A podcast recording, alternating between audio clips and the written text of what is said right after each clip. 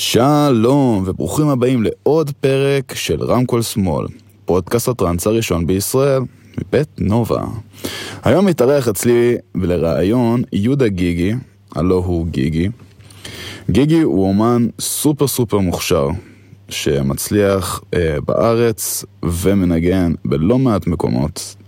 אנחנו נשמע את הסיפור שלו, איך התחיל בגיל 16 בטעות להוריד שיר של מטאליקה וללמוד גיטרה לבד בבית, איך התפתח וכתב מוזיקה ללהקות בתוכנות שונות, ואיך פרץ לסצנת הטראנס והתחיל ליצור טראנס בעצמו. נשמע גם איך הוא מפיק מסיבות, מה היה הסיפור, מה גרם לו להתחיל.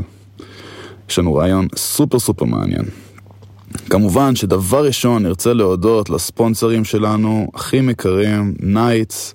Nights זו פלטפורמה סופר סופר נוחה למכירת כרטיסים, אז אם את או אתה מפיקים מסיבות, אנחנו מאוד ממליצים להשתמש ב Nights כפלטפורמה שלכם למכירת הכרטיסים, הכל מתממשק, מדהים!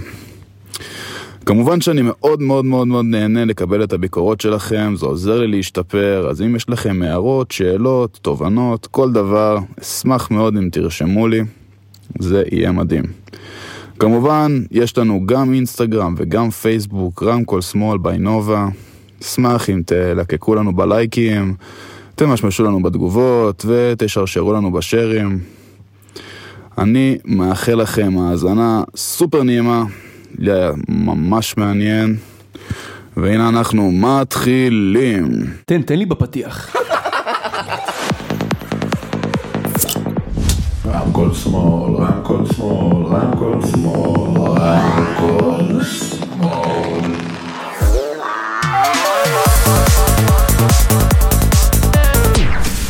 טוב, כאן ינאי גולדשטיין, נמצא איתי יהודה גיגי, שהוא איש יקר ואומן בחסד. אהלן יהודה, מה קורה? מצוין. איזה כיף שבאת, אני מצוין, תודה רבה. אה, וואלה. טוב, בוא נתחיל, בוא תציג את עצמך, ספר קצת על עצמך. אוקיי, אה, טוב, אז אני אה, יהודה גיגי, בן 29, חודש הבא אני חוגג 30. מזל טוב, איזה כיף. במקרה חוגג 30 בפסטיבל פורים של הנובה, על הבמה, כיף, שזה. יהיה רגע מרגש עבורי. אמ, אז ככה, אני במקור מהדרום, אה, מדימונה, נולדתי והתחנכתי וגדלתי שם עד גיל 21. וזהו, אמ, פחות או יותר. מגניב. אה, בוא תספר לי, אני אשמח לשמוע מתי התחיל המסע המוזיקלי שלך, נקרא לזה ככה. טוב, המסע המוזיקלי שלי זה סיפור די אה, מורכב. אה, מבחינה מוזיקלית התחלתי, סוג של התאהבתי בקטע של, אה, במוזיקה מגיל, אה, אפשר לומר 15-16 כזה. אה, בסביבות אה, גיל 15, אה, אתה זוכר את התוכנות שהיו פעם, קאזה, אימיול של בטח. הורדת שירים? בטח. נוסטלגי. כן, אז, אה, אז אה, הורדתי בטעות שיר של אה, להקת מטאליקה. וזה מה שבעצם פתח אותי כאילו לז'אנר. אה,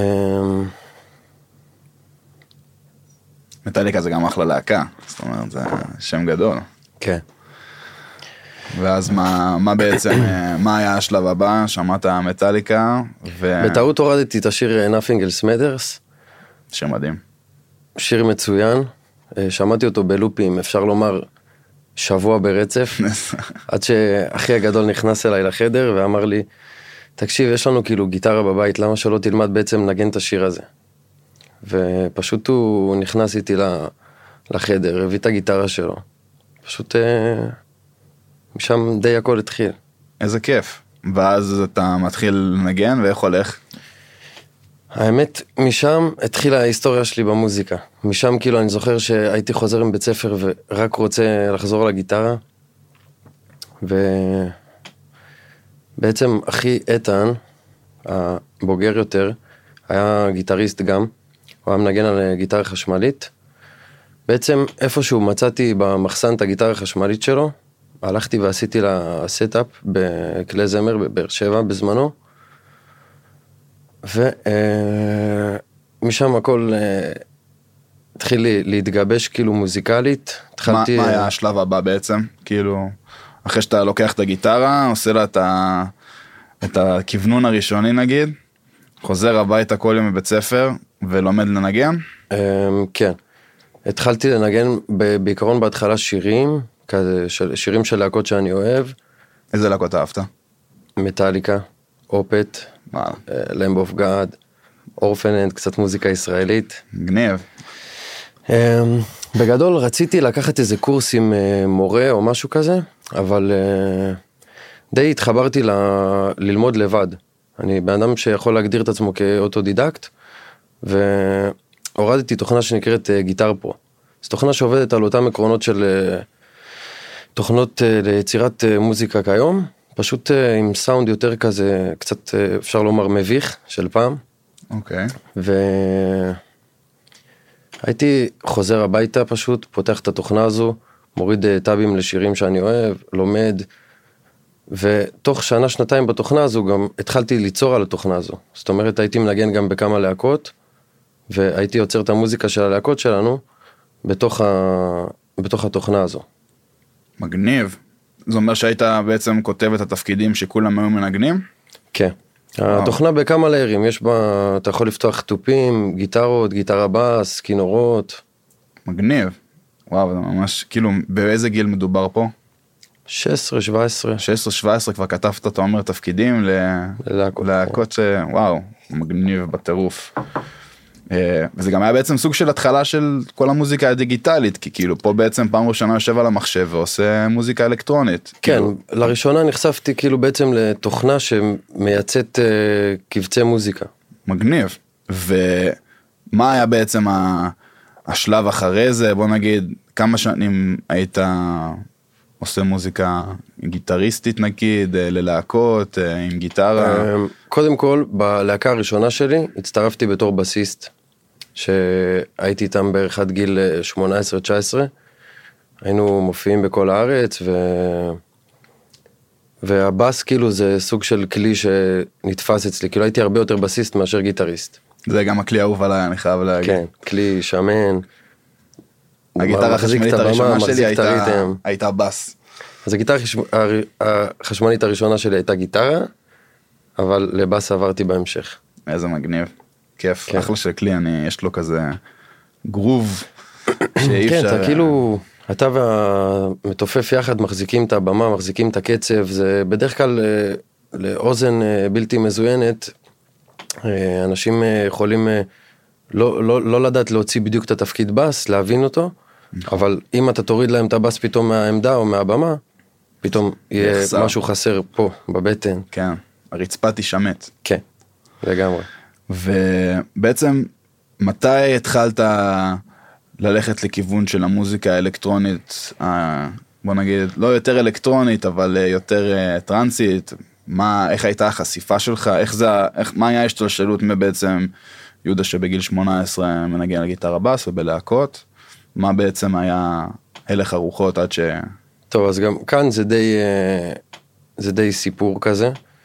ברגע ש, שהייתי כותב בתוכנה הזו, בגיטר פרו, הייתי כותב בה כאילו גם כל מיני תפקידים לכלים בלהקות. וכו', ואז פתאום אה, התחלתי אה, לכתוב גם מוזיקה שלי, אה, מטאל, מטאל אלטרנטיבי כזה, וברגע ששמתי לב שהתחלתי לכתוב כלים ותפקידים שאני אישית לא מצליח לנגן, אבל זה עדיין נשמע טוב, רציתי, ש... רציתי לקחת את הרמה של הסאונד אל מעבר. אז בעצם אה, עברתי לכתוב על תוכנה בשם פרוטי לופס, שכבר אפשר לייצא בה סאונדים ברמה הרבה יותר גבוהה מהתוכנה שעבדתי עליה קודם, ושם בעצם נחשפתי לראשונה ל... לסאונד של מוזיקה אלקטרונית. התחלתי אה, ל- לקשקש, לעשות כל מיני רמיקסים לטרקים של מיינסטרים אפילו, ושם בעצם נחשפתי לראשונה לתוכנת אה, DAW מקצועית, עם יכולת לסנטז סאונדים, באמת להביע את עצמי קצת יותר ברמה גבוהה, בלי לכתוב תפקידים שאני גם אמור לנגן אחרי זה. ובאיזה גיל זה היה בערך? גם, זה, זה כל התהליך הזה של התוכנות התחיל באזור גיל אה, בין 16 ל-18 כזה. ממש רציף, כאילו אחד אחרי השני, בלי הפסקות. כן. דבר בלי- החליף דבר.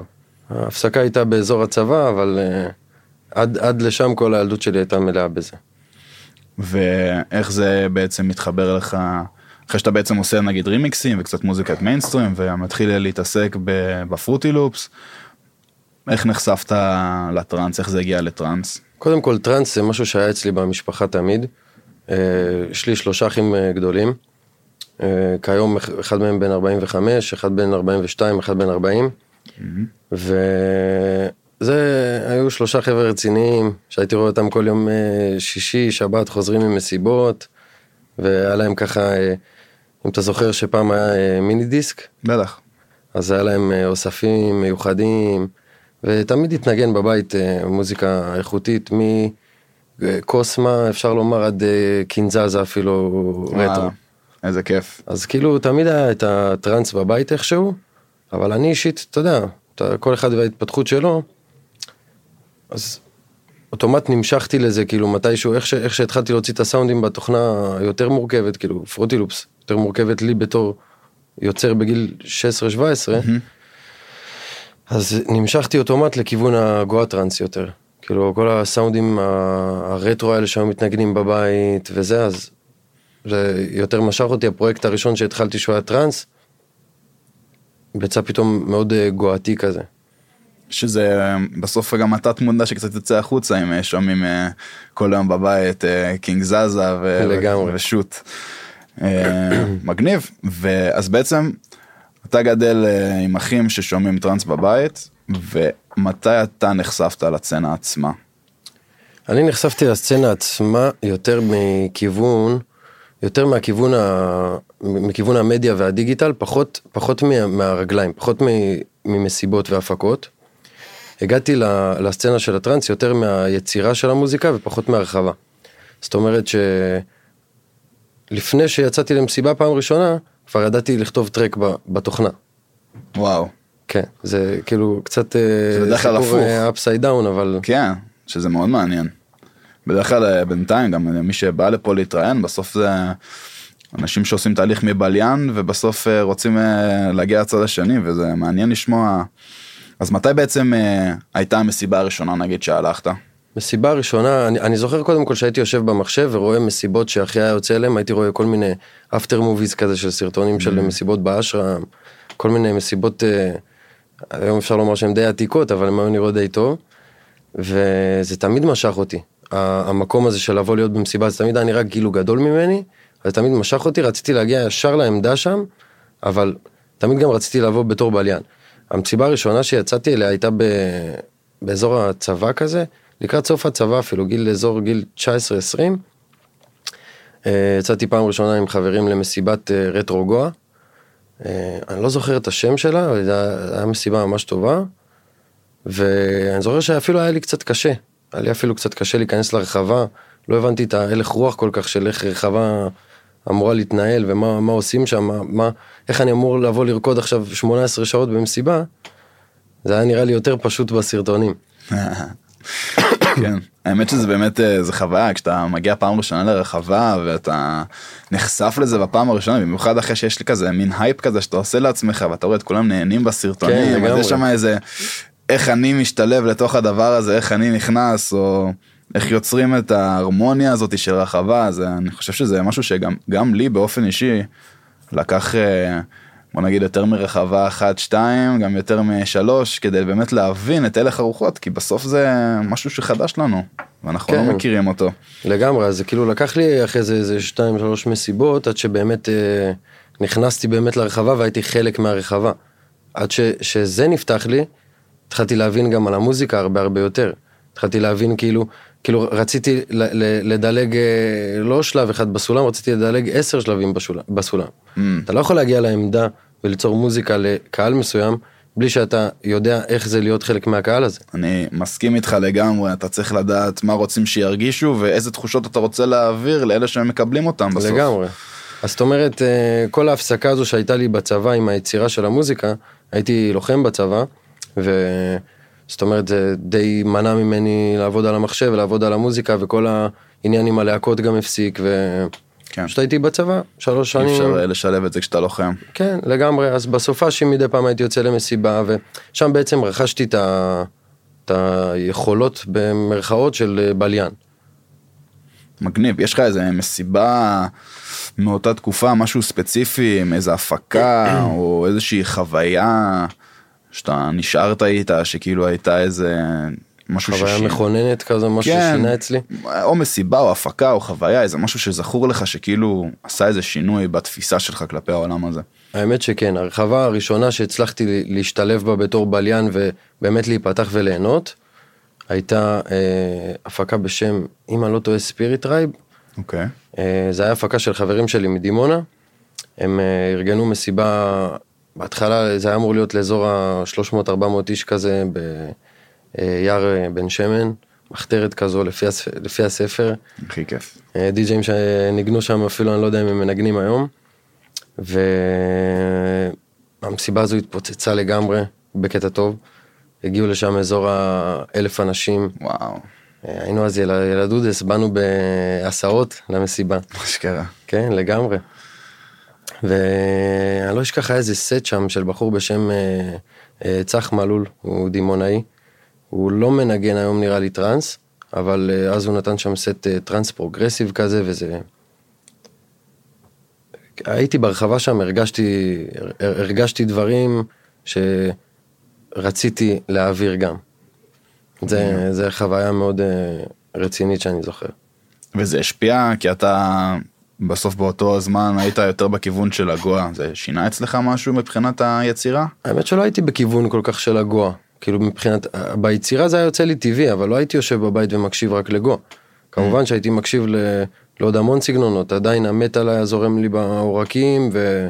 ומצד שני הגואה, וגם הפסאי, וגם אפילו הדארק היותר כבד, שהתייחסתי להכל כאל מוזיקה, פחות כאל ז'אנרים. אני חושב שזה מגניב מאוד. Yeah, בסוף זה באמת, זה יצירה של כולם וזה פירות שאנחנו לוקחים מאנשים אחרים שהם אה, גידלו ועשו בעצמם וזה כן. הכי כיף שיש ולא צריך לשים לפעמים באמת את המדבקות או את הלייבלים האלה על כל אה, ז'אנר ופשוט ליהנות מהמוזיקה. אני חושב שזה גם משהו שקורה הרבה פעמים בפסטיבלים שיש להם קו מוזיקלי מאוד רחב ופתאום עולה אחד אחרי השני וזה לא חייב שיהיה פרוגרסיב יכול אחרי זה לעלות גואה לפעמים יש שילובים כאלה שיכולים ליצור דברים מאוד מעניינים. אני לגמרי מאמין בשילובים, כאילו אני לא חושב ש... שהפקה או מסיבה או, או אפילו בן אדם שיוצר צריך להידבק לקו מסוים במשך אה, כל ההתפתחות שלו. אני לגמרי מאמין במסיבות שמתחילות ב-X ונגמרות ב-Y ומשלבות אה, כמה תרבויות וסגנונות וזה לגמרי אני המאמין שלי וגם ב... בהפקות שלי שאני מאמין שנדבר עליהם אפילו בהמשך. בוודאי, ואנחנו מיד נחזור לזה.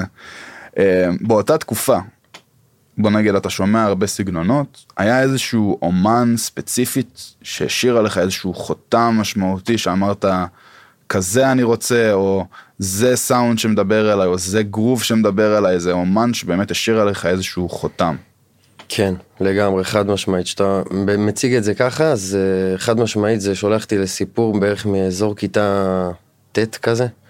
בדיוק שיפצו לי את הבית, עברתי לגור אצל אחי בדימונה למשך איזה חודש. אה, אני זוכר שפתחתי את המחשב שלו כזה, שהוא היה בעבודה, נכנסתי לתיקיית אה, מיוזיק, היה אלקטרוניק כזה, אני פותח את התיקייה, שם כל מיני אמנים מגניבים, קוקסבוקס, כל מיני ז'אנרים נחמדים, דברים שגם הכרתי, לא הכרתי. ופתאום פתחתי תיקייה של מפיק מדהים מאוסטרליה שנקרא ספונביל.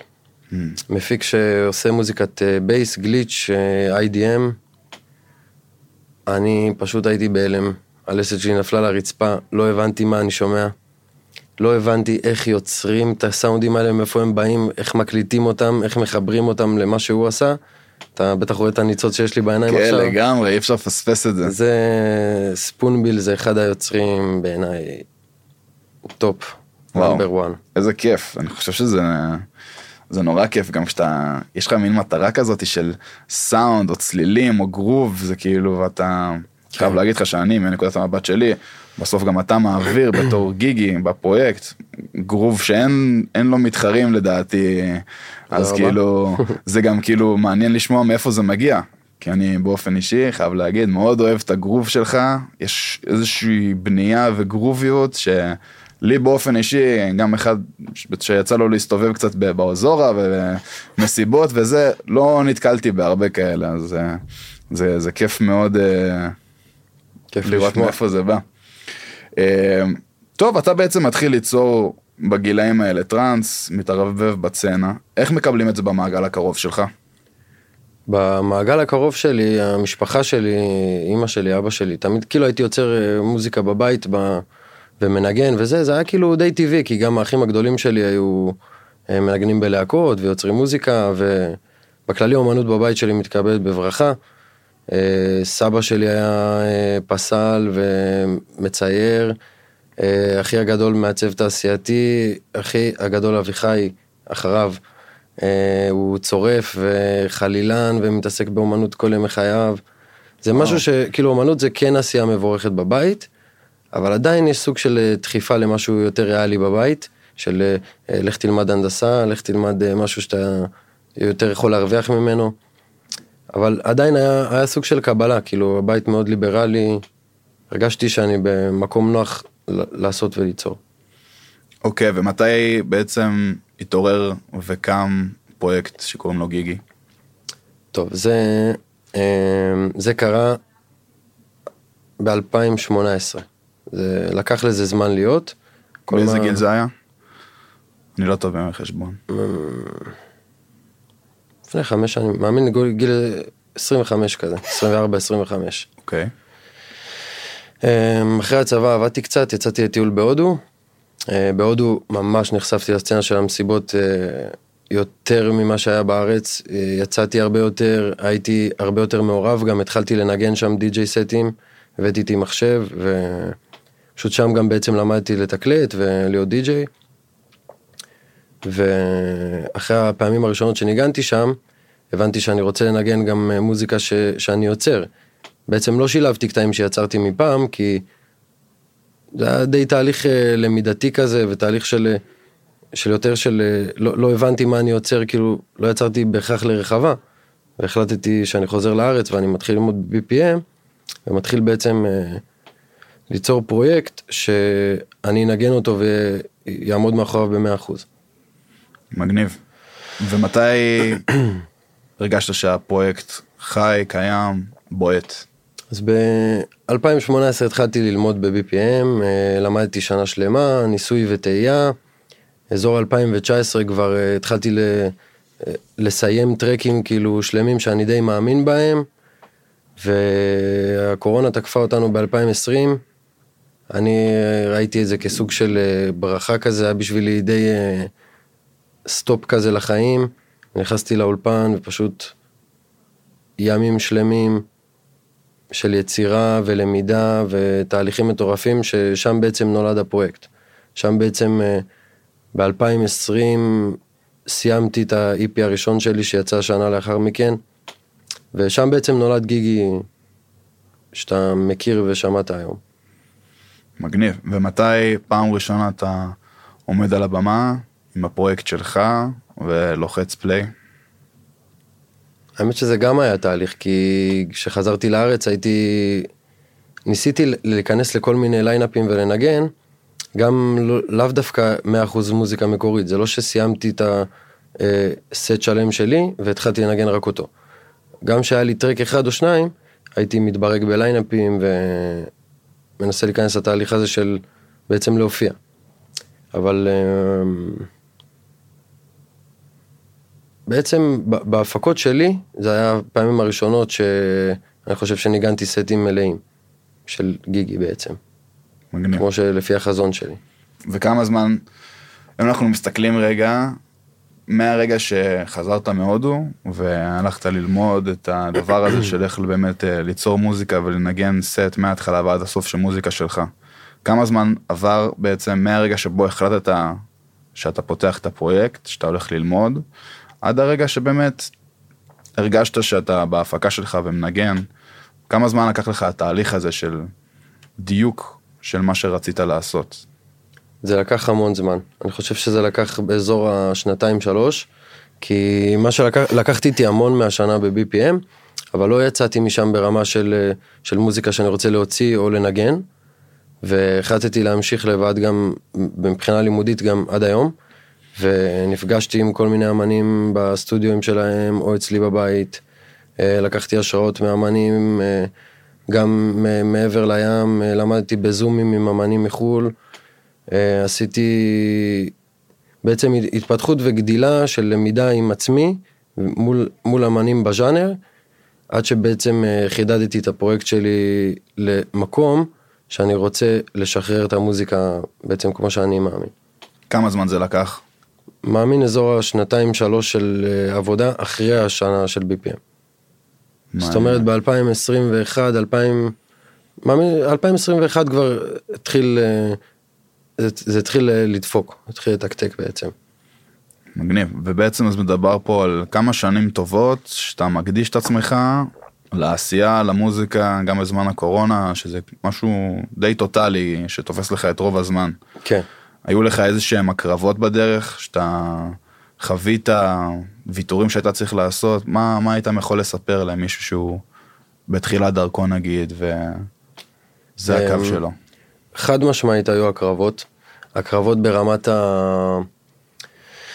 ברמת החברים אפילו, אה, בוא נצא לבירה, בוא נשב, אפילו בקורונה לפעמים, אתה יודע, החבר'ה נפגשים בבתים, יושבים, אה, מסיבות קטנות, במחתרות קטנות. באמת בתקופה הזו אני זוכר שהקדשתי את עצמי, אפילו הייתי בזוגיות באותה תקופה ובקושי היינו נפגשים בתקופה הזו. הייתי, הייתי זוכר ש... אני זוכר שפשוט הייתי יוצר nonstop, nonstop בתהליך של למידה ויצירה ועבודה. והייתי מוותר על המון דברים, אה, כמו ישיבות עם חברים, ומפגשים עם הבת זוג, ונסיעות להורים לדימונה. זה, זה בעצם הוויתורים, ושאלת עוד משהו לגבי... איזושהי הקרבה אולי, איזה משהו... לא, לא, שאלת לגבי... מה היית אה, אומר ל... ל... מה הייתי ממליץ לאמן? כן, עכשיו בן אדם שהוא שומע, נחשף לסצנה, ואומר, זה מעניין אותי. אני רוצה להיות, אני, אני רוצה לעשות, ליצור. אני רוצה ללחוץ פליי. אוקיי, מה הייתי ממליץ? מה היית, מה הטייק שלך?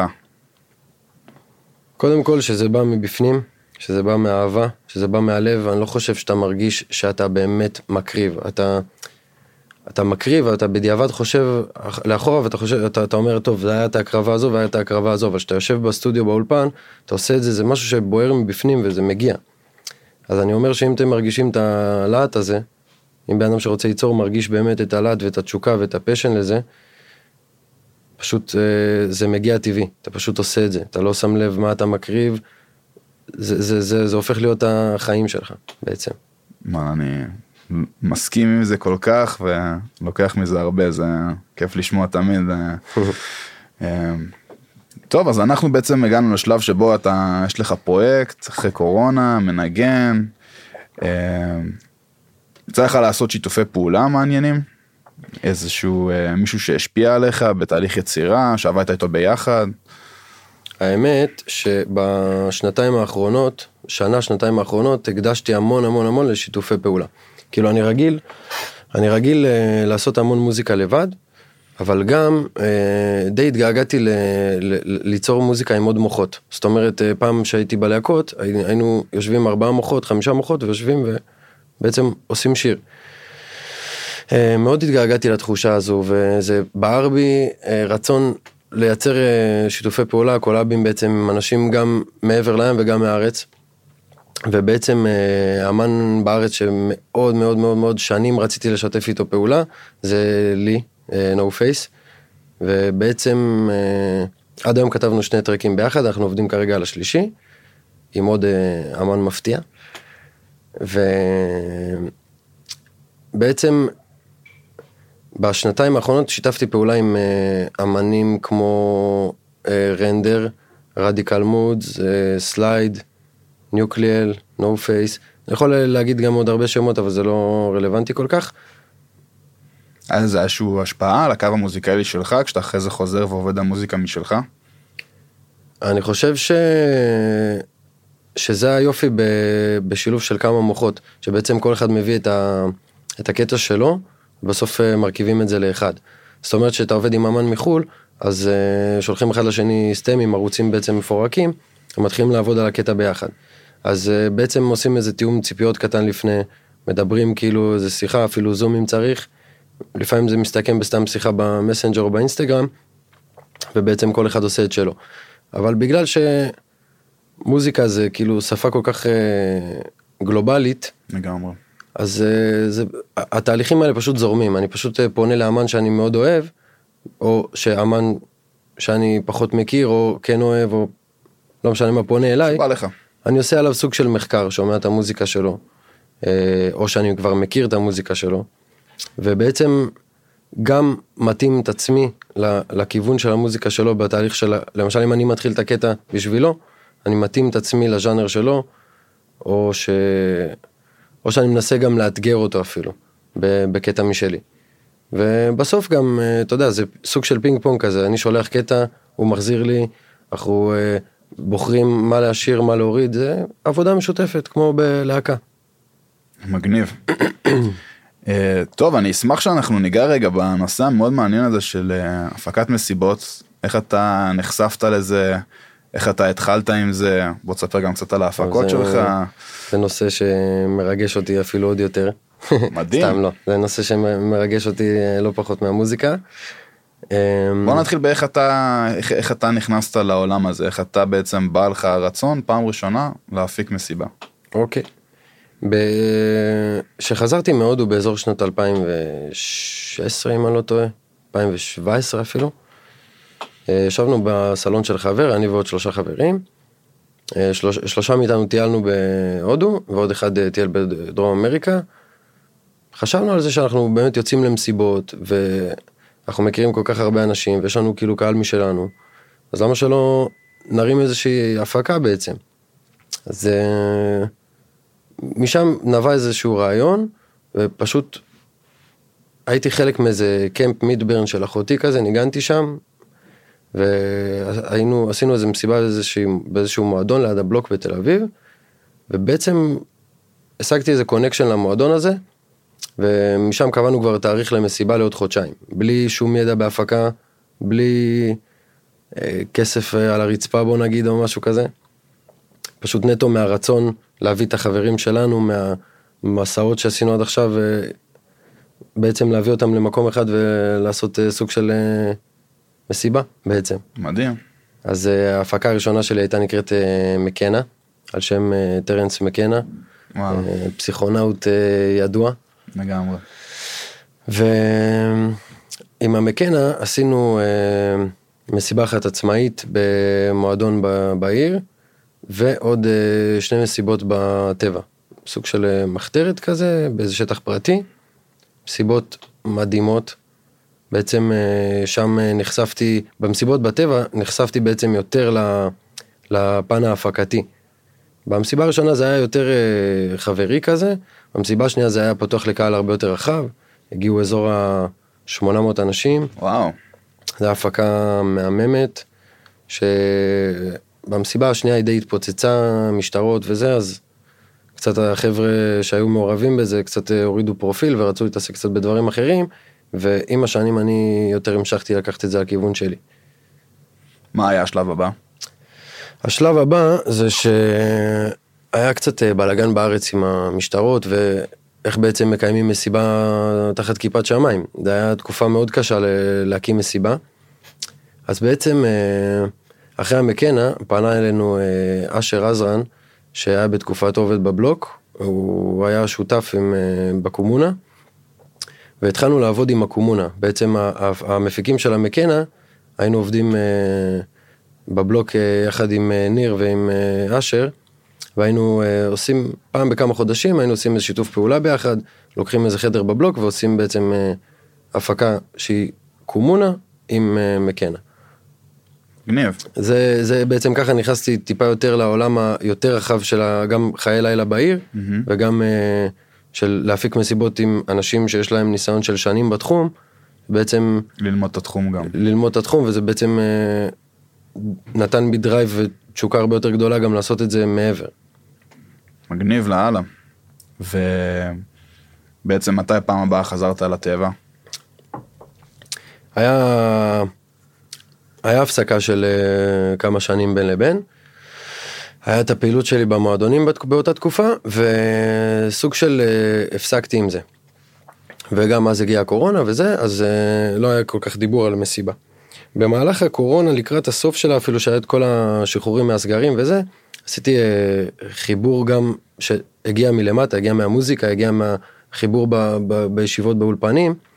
אה, הכרתי את אה, נתנאל מור, את אה, אה, פישי, גיא בורחוב. אה, ובעצם החיבור שהיה לנו בא- באולפן אה, יצר בעצם אה, רצון גם להוציא את זה החוצה. להם היה את ההפקה שלהם שנקראת אה, בין היונסונים, יש להם אותה עדיין, חיה בועטת, הפקה מדהימה. אה, כן. ובעצם אה, עשינו מסיבה באיזה יקב בצפון יחד, שהיא תחת השם בין היונסונים, ופשוט באו המון אנשים, זה היה מסיבה כזו של סוג של יציאה מסגר כזה, היה ממש מגניב, וזה החיה בי שוב את הדרייב הזה שנחבא במהלך הקורונה, להפיק מסיבות בעצם. מגניב. ובעצם פה פעם ראשונה חזרת לטבע אחרי כמה זמן שנגיד היית בחיי הלילה בעיר? אפשר לומר אה, שנת, אבל שוב, היה את הקורונה באמצע, אבל אפשר לומר שהיה הפרש של אה, שנתיים, שלוש כזה. שנתיים שלוש.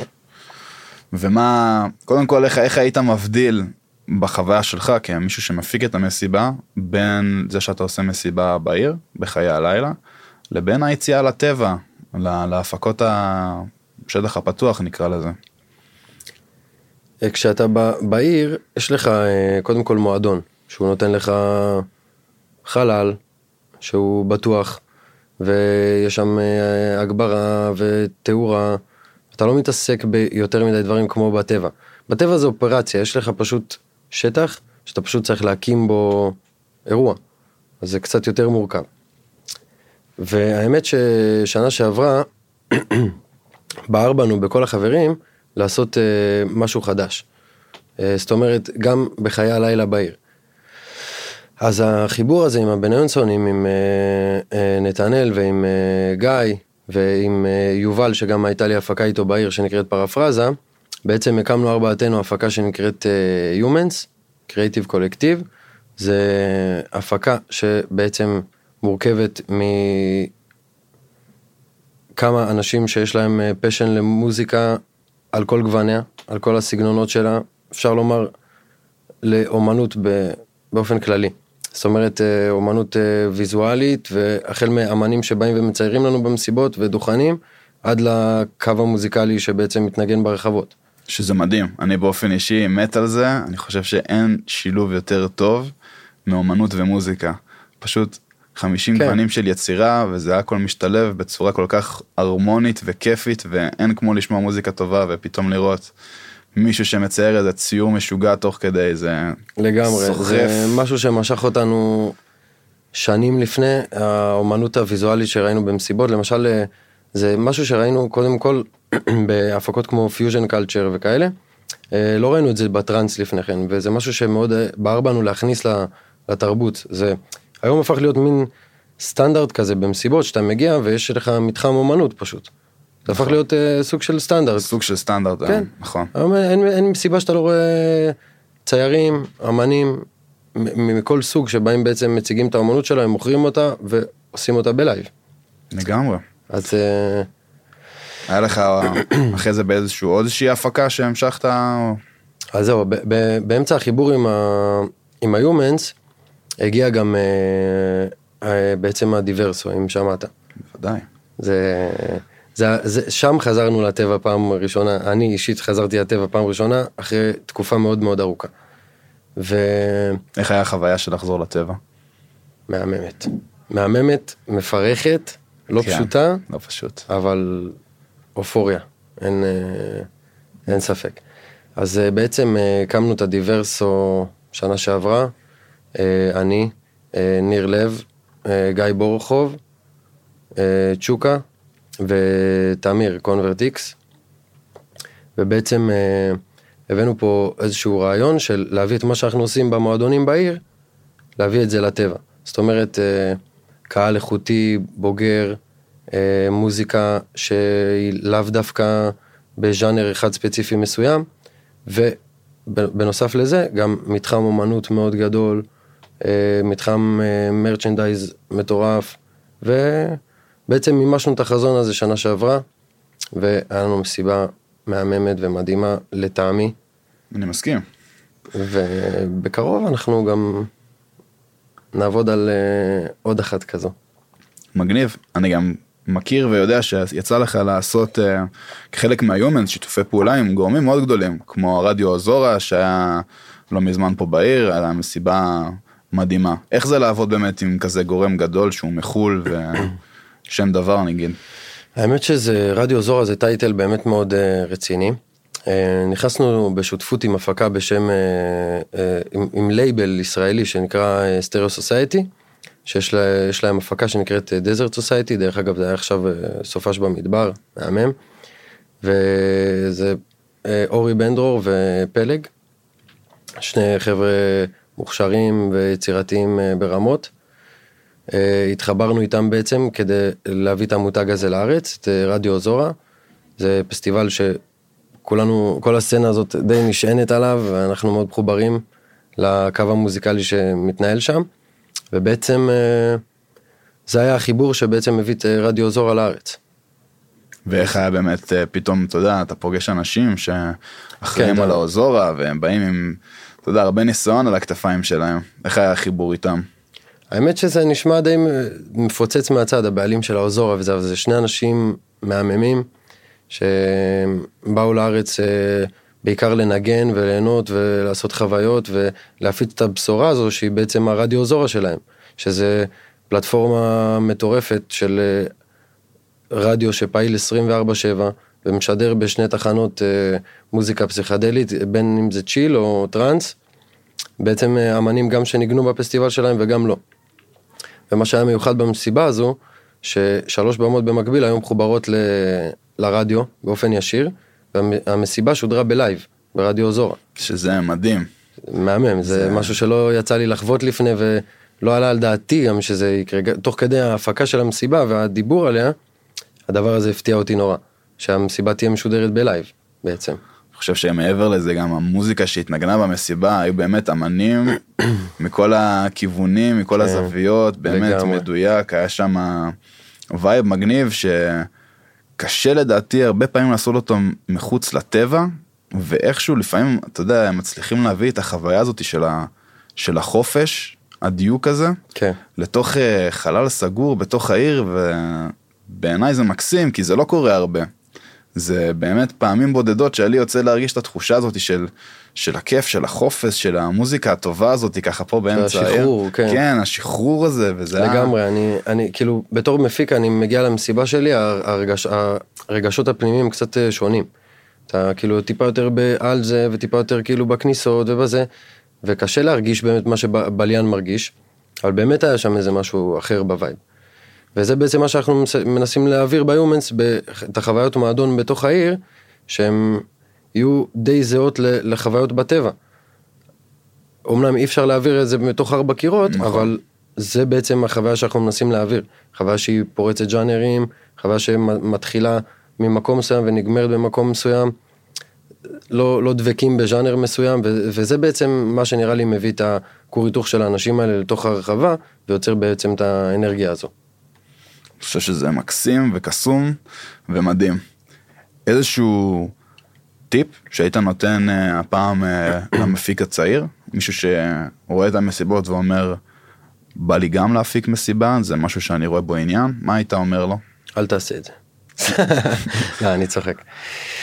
אמ, טיפ. לא, גם אל תעשה את זה, זה טיפ, כן? לא, לא, שיעשה את זה, אם זה, אמרתי לך קודם, דיברנו על זה קודם, שמשהו בוער בך מבפנים, אתה תעזוב הכל ואתה תעשה אותו. נכון. אז קודם כל אה, חיבורים, חיבורים עם אנשים שאתה, שאתה מאמין באני מאמין שלהם ולאו דווקא בפן העסקי. אה, אנשים שהם חברים, כל השותפים שלי בהפקות שלי, זה אנשים ש, שאני מאוד מאוד אוהב ומאוד מחובר אליהם ברמה האישית וגם ברמה העסקית. אז אה, חיבורים נכונים, אג'נדה, אג'נדה מאוד, ברורה של מה שאתה רוצה להעביר בעצם, וזהו פחות או יותר, זה, זה, זה הדברים המנחים בעיקרון לה- להפקה מוצלחת לדעתי. שאלה שאני מאוד אוהב לשאול, אנחנו גם ככה לקראת סיום, אני חושב שהיא מסכמת יפה את כל העניין של ההפקה. מהו מאפיין שהוא חשוב לאירוע טוב? בין אם זה בטבע, בין אם זה בעיר, משהו שהופך את האירוע למסיבה. אוקיי. שאלה מאוד uh, סובייקטיבית. זה כאילו, תן לי את הטייק שלך. אני חושב שזה ההרגשה. אני חושב שזה הרגשה מאז שהאירוע עולה לאוויר בעצם, לא, לא, לא מה play הראשון, אני מדבר חודש, חודשיים, שלושה לפני מאז שהוא עולה לאוויר. שהוא מתפרסם בעצם. כן, מהדרך שאתה נוגע בו מלכתחילה, מהדרך שאתה מתחיל לשווק אותו, מאיך שהגרפיקה נראית, מאיך שהפונט על, על הפלייר נראה, עד, עד סוף המסיבה. זה בעצם ה vibe שאני מרגיש ממסיבה. בעצם אה, כל, ה, כל ההרגשה שיש סביבה זה משהו שבונה בעצם את, את המסיבה עצמה. כי תחשוב ששיווקת מסיבה כל כך יפה, בחרת בפינצטה את הקהל הכל כך יפה שלך, והבאת אותם למקום כל כך אנרגטי כבר עוד לפני שלחצת פליי. זאת אומרת שאני חושב שמסיבה טובה נקבעת מאז שהיא יצאה לאוויר בעצם, לא רק מאז שנלחץ הפליי. מדהים. יש עוד איזה משהו שהיית מוסיף, איזשהו מאפיין לאירוע, משהו כזה? בכללי, משהו שהיית רוצה, ל... איזה מסר שהיית רוצה להעביר, ככה לפני שאנחנו מסיימים? אמ, שאלה כללית מדי, אמ, אני בגדול המסר שמנחה אותי באופן אישי גם בהפקה המוזיקה שלי וגם בהפקת אירועים, פשן, תשוקה, שזה בא מבפנים, זה בא מבפנים. אתה לא אמור להכריח את עצמך לעשות דברים כאלה, אתה לא אמור, אה, אה, זה לא, זה, ליצור מוזיקה באולפן זה לא שיעורי בית. מן הסתם שצריך גם לפעמים לדפוק את הראש ולעשות שיעורי בית ו... ולשבת וללמוד ולהתפתח, אבל זה משהו שאמור לבוא מבפנים. זה משהו שאמור. זה אמור, אמור להיות איזה כוח פנימי גדול כזה שמושיב אותך על הכיסא וגורם לך ליצור מוזיקה, או מושיב אותך עם השותפים שלך או לבד ולתכנן את ההפקת מסיבה הבאה שלך. פשן, אם אתם אוהבים את זה באמת, תעשו את זה.